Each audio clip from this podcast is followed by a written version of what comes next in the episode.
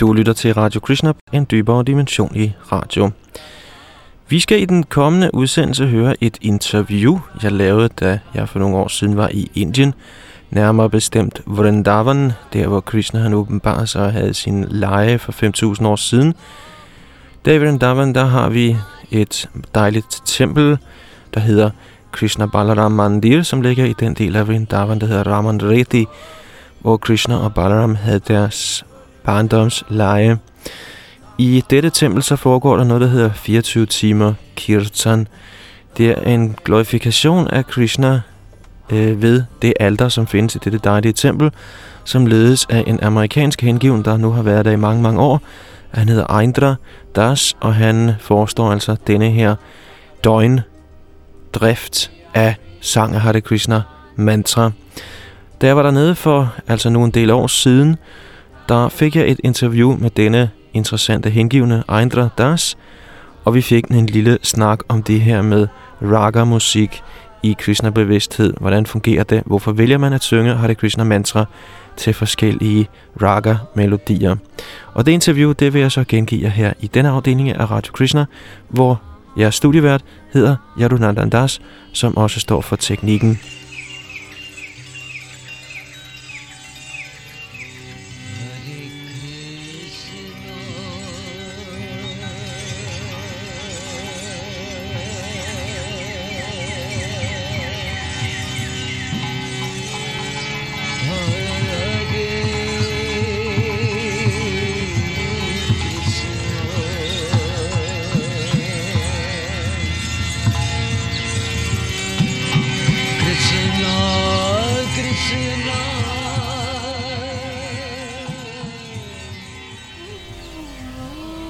tell us a little bit about the difference between Western music as opposed to Vedic music? There's uh, different ways that this question could be answered. But from the point of Krishna consciousness, the standpoint of Krishna consciousness, actually, we're not so much interested in music but we're interested in the elevation of our consciousness to our original pure state.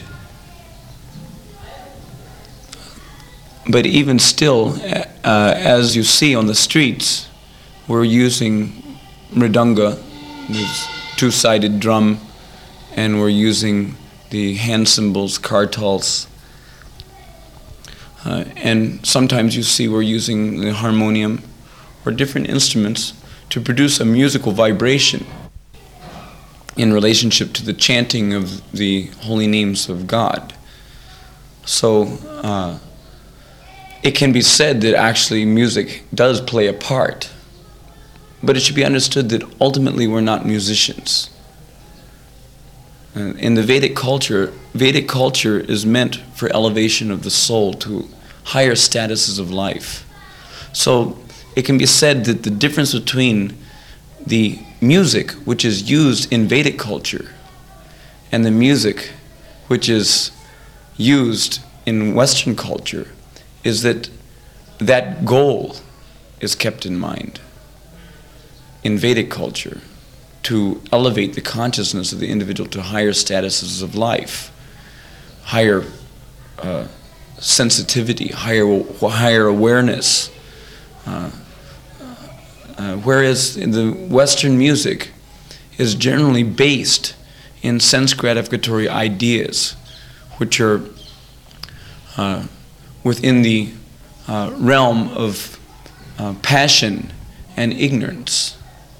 Uh, generally, there's very little goodness in the modern Western music. whereas the Vedic music is meant for elevation at least to the mode of goodness, because from the platform of goodness, knowledge can be illumined.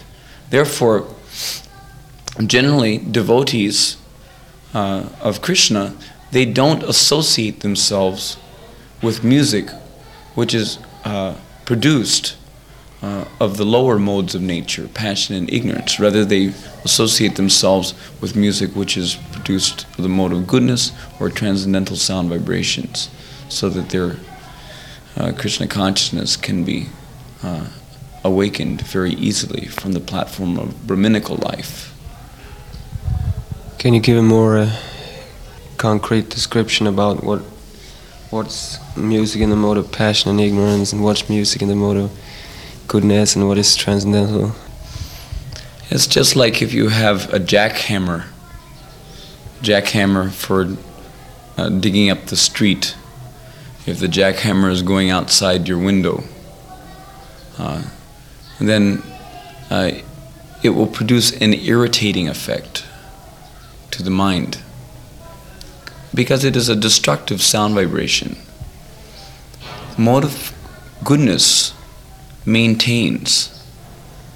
Mode of passion is creative uh, with a sense of the enjoying spirit that is symptomatic of the mode of passion, whereas the mode of ignorance is destructive. Mode of passion is very agitating, but mode of ignorance is devastating. So, uh, uh, there's one example that can be given. Uh, one very famous uh, scientist, Dr. Bose, here in India, conducted an experiment using uh, harsh sounding Western music. Uh, rock and roll. Rock and roll, like that. Uh, Western music, uh, har- very harsh sounding music with uh, heavy metal equipment. Mm.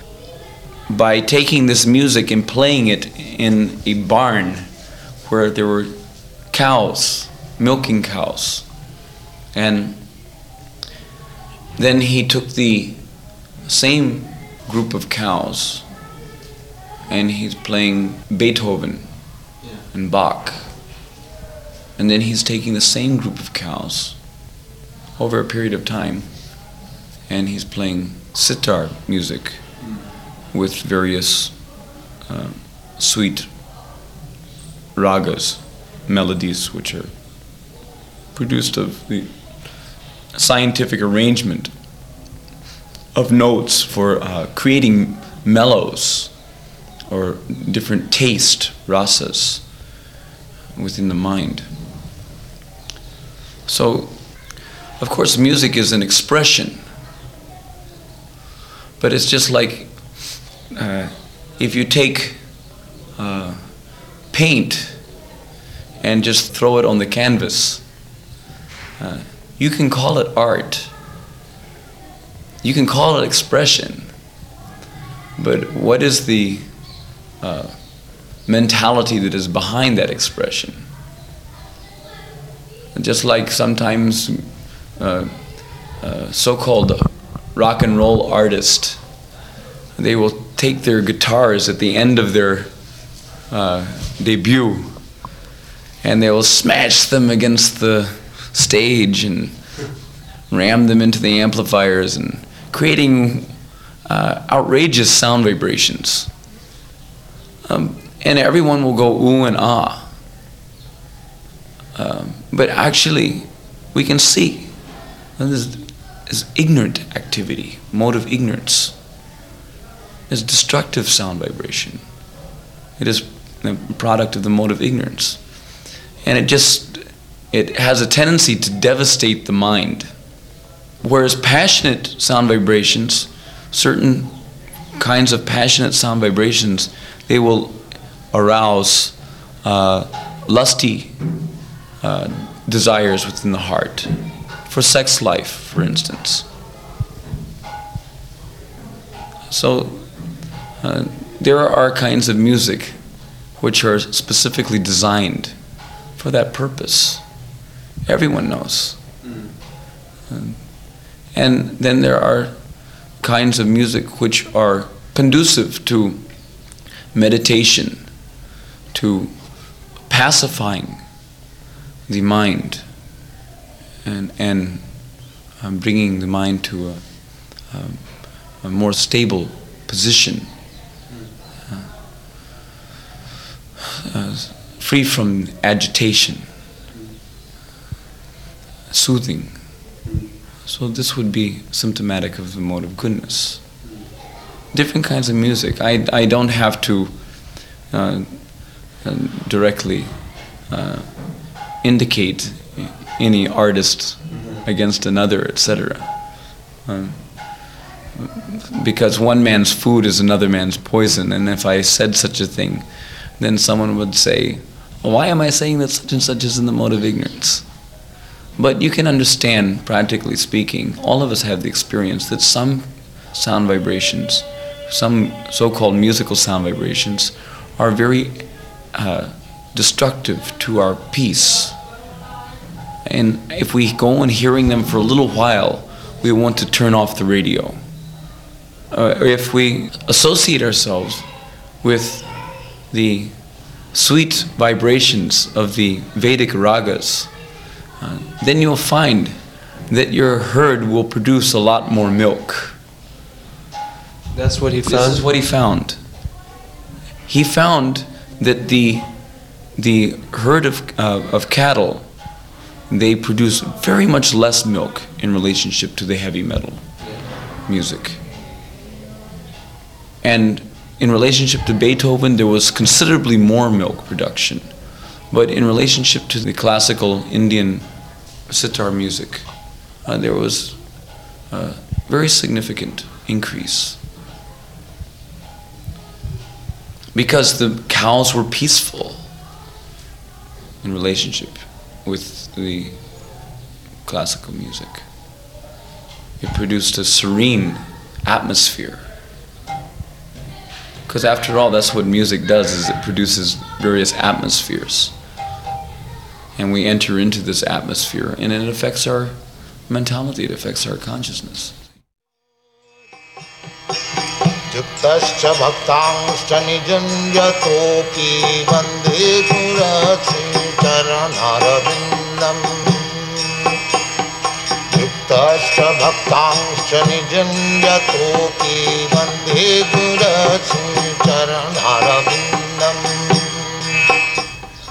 so, Krishna consciousness music, or Vedic music, uh, is meant for producing an atmosphere which is conducive for God realization and self realization.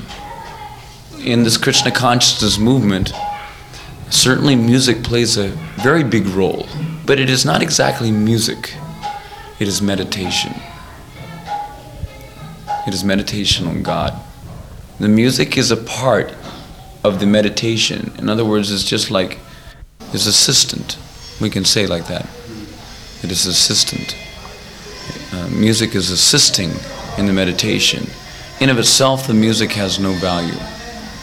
But uh, in relationship to the meditation on the names and forms of the Supreme Personality of Godhead, then it has so much value. Just the example can be given that if you have uh, many zeros, without a one in front of those zeros, then no matter how many zeros you have, it'll amount to zero. But if you put one in front of, uh, you know, three zeros, then you have 1,000. Like that.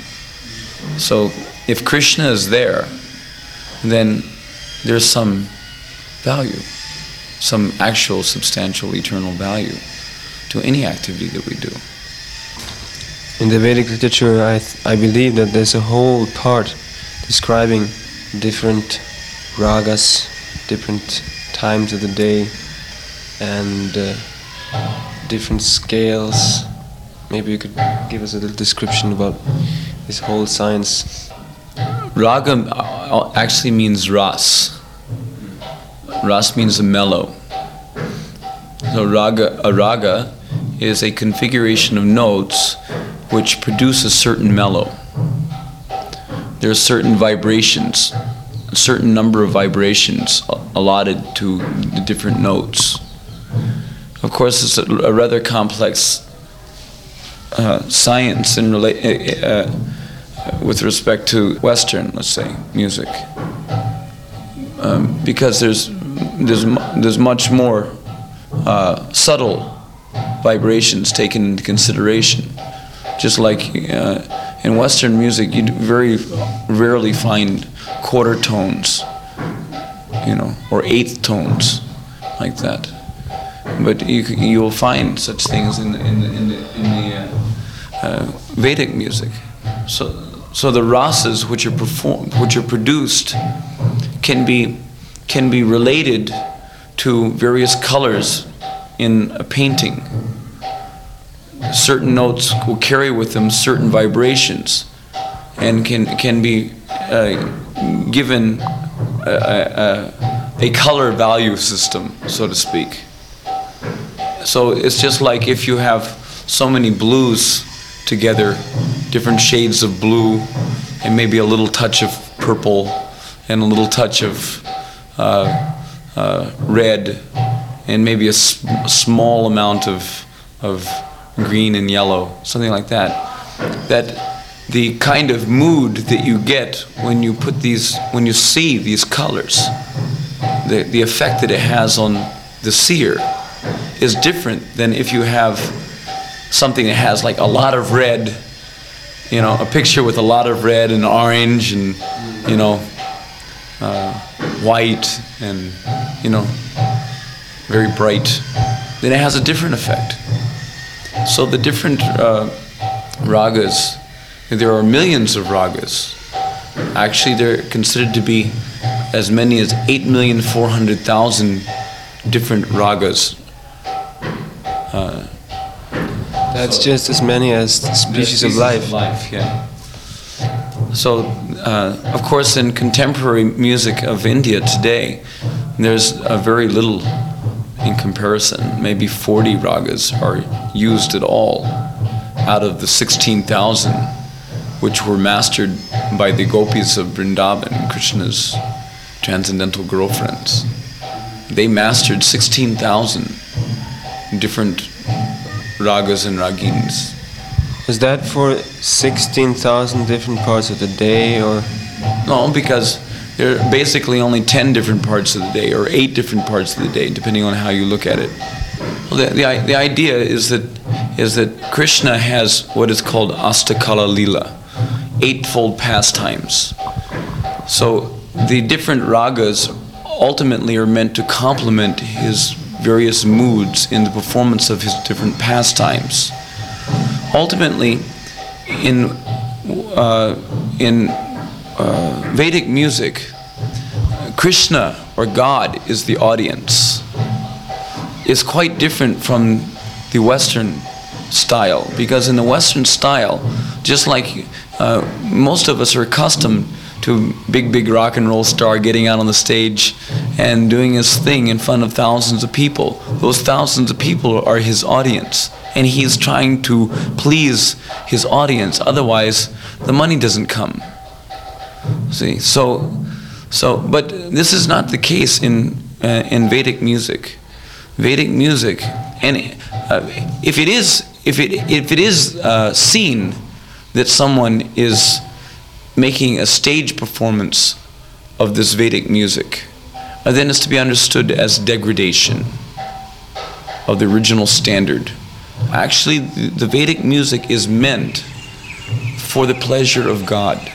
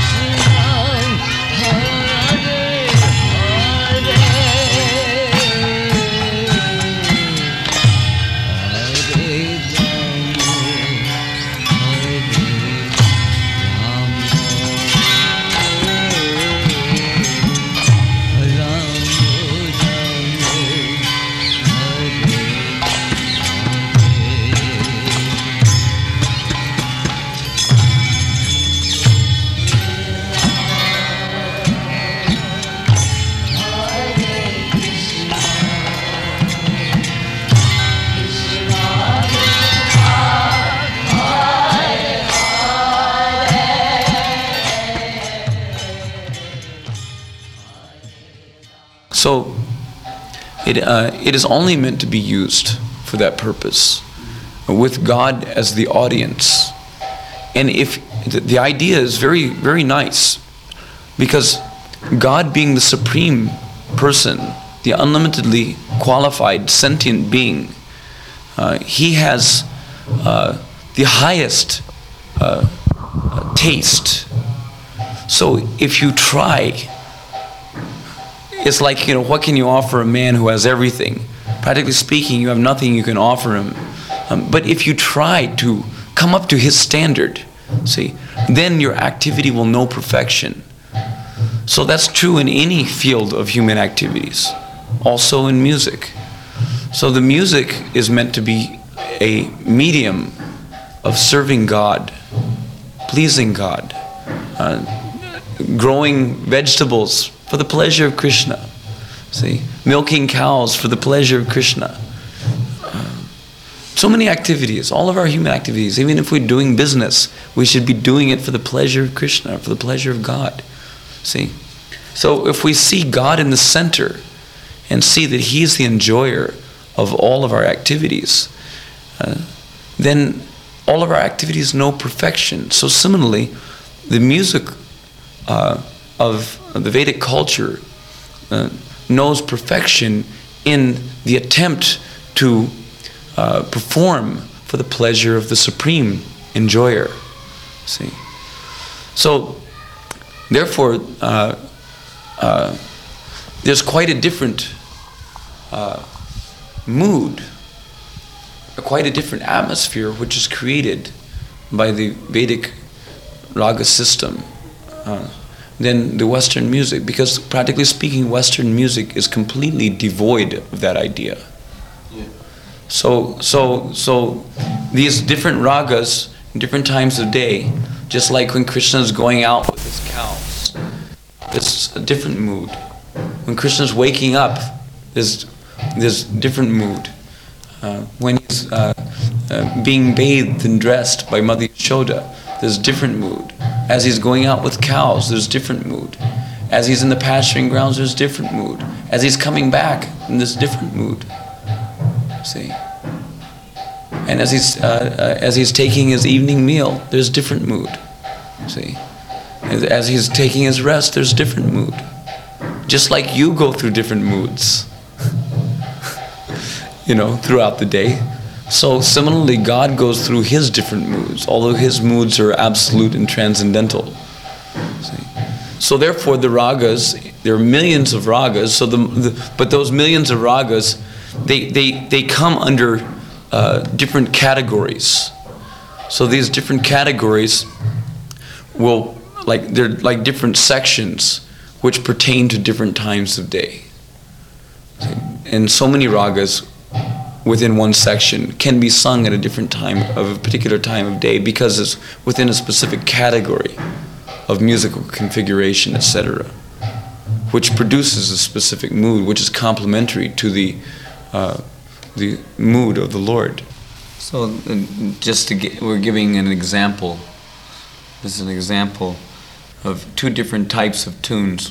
One is a morning tune, and one is a late night tune. This is just to give you, give you an idea of the different mood that is produced by the different tune. Because you can clearly understand this different mood by these two tunes. There are many, many different tunes, so, um, but this, this can give some clear indication.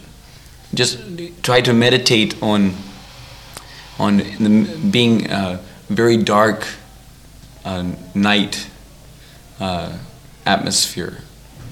Uh, is dark moon night. This is called Rag Shiv Ranjani. It's a very beautiful raga and has very deep uh, uh, effect on the heart. It goes deeply. So it's very conducive for very deep meditation.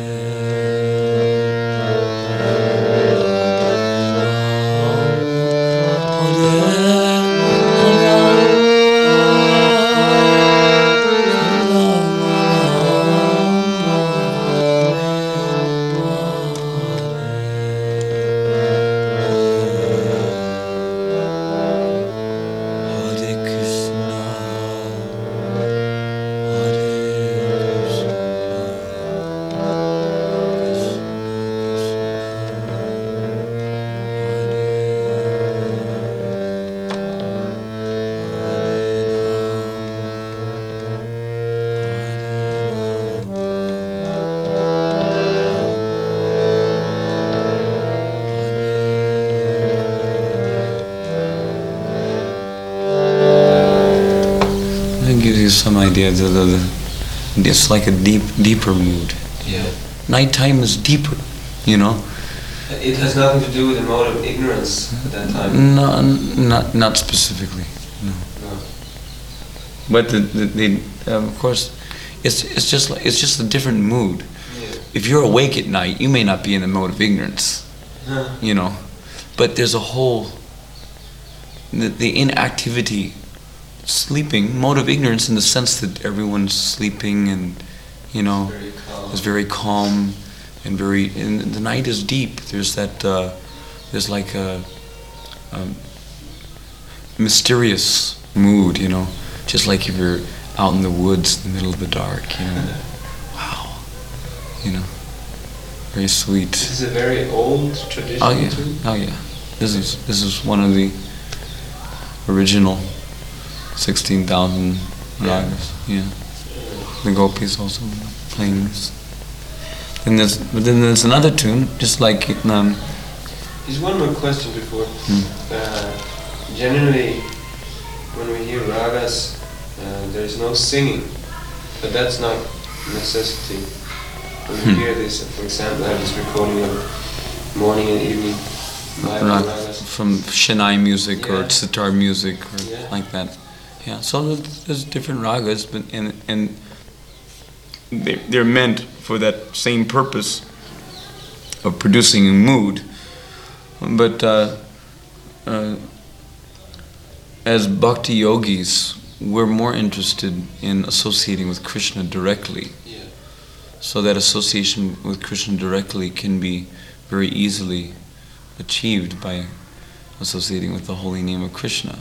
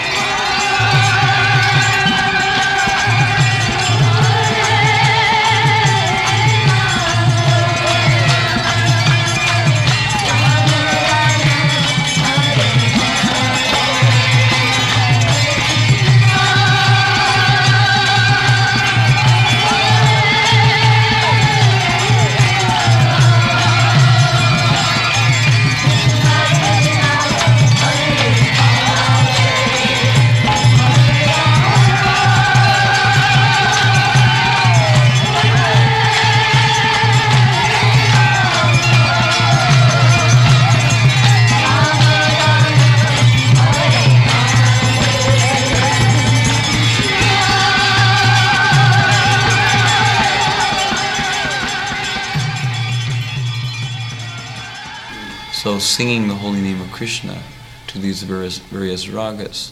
It's just like when we dress the deity at night, we have different kind of garment than when we dress the deity in the day.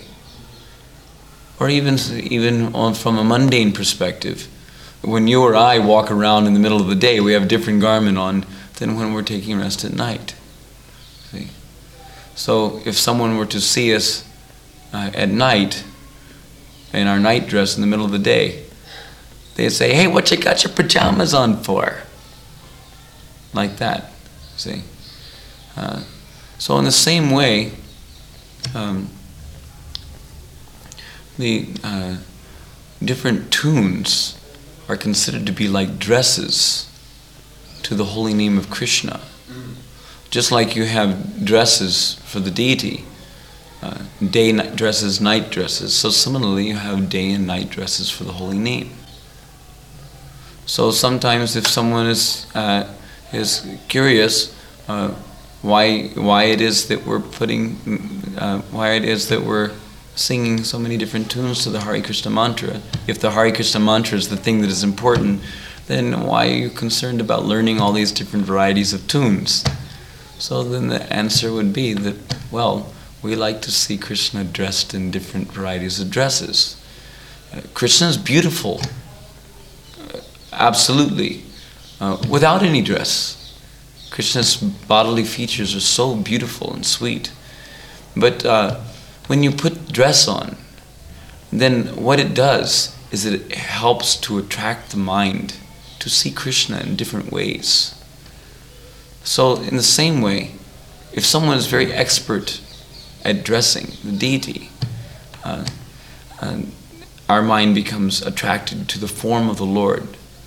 So similarly, uh, if someone is very expert in singing uh, the Hare Krishna mantra to the accompaniment of various ragas, which are like dresses, then our mind becomes more attracted to the form of the holy name, or the sound vibration of the holy name, which means our consciousness becomes absorbed in Krishna consciousness naturally.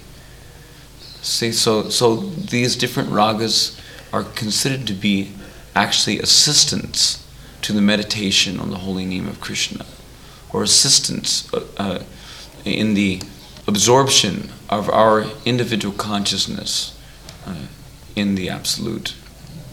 Variety is the mother of enjoyment, also.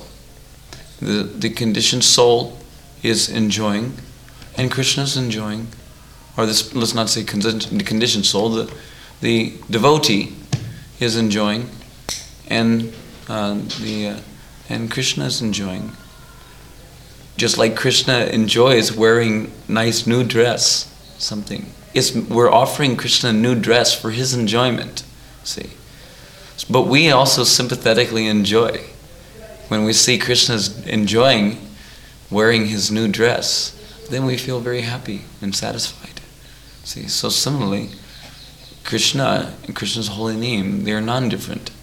So if we dress the holy name in different uh, uh, melodies, different ragas, which are conducive to the specific uh, time, place, and circumstance, see, in relationship to the pleasure of the Lord, then Krishna is more pleased. And, and uh, we also become more pleased.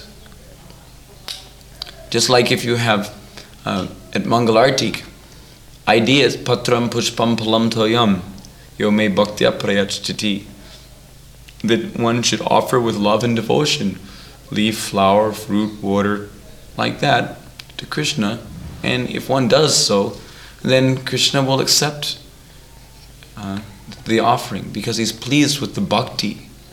Yome bhaktya prayacchati. So, Krishna being pleased uh, with, with our bhakti, uh, he may uh, be pleased to accept anything from us.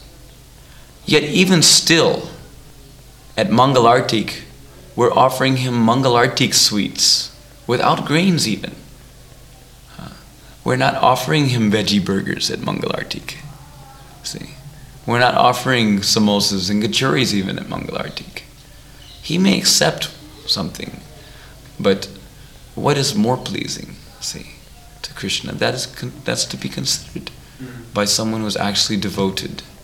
See, so therefore, we can chant the holy name using any tune, but a real devotee will want to consider what is the best thing that I can offer to Krishna.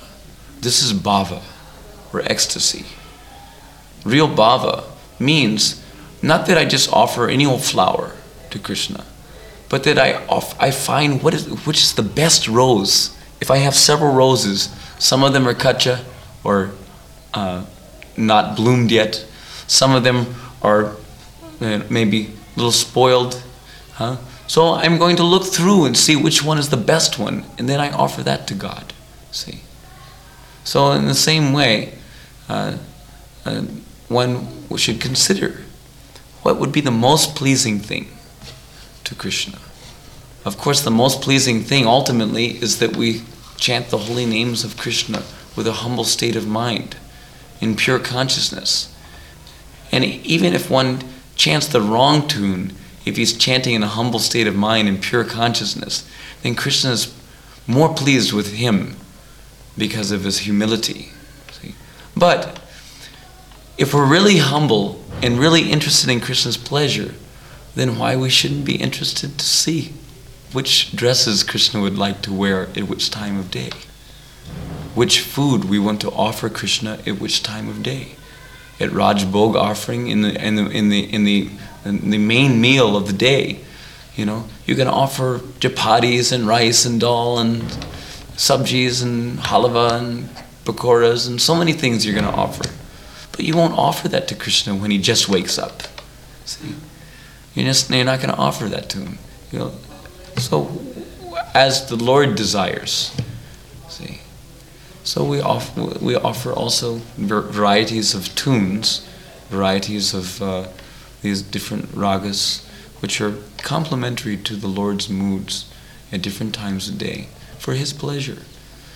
And if we do that with a humble state of mind, see, then we're doing more.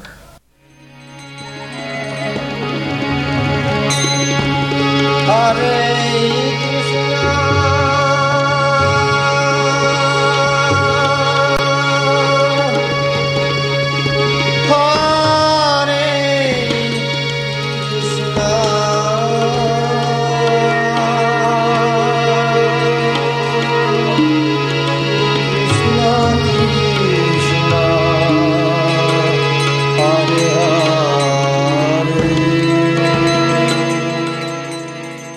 Og vi har hørt et interview, som jeg altså lavede med Rendra Das fra Amerika, som altså er leder af vores døgndrift og Hare krishna chantning i Krishna Balaram Mandir Raman Reti Vrindavan i Indien. For teknik og produktion af denne udsendelse stod Yadunandandas, som også var jeres studievært.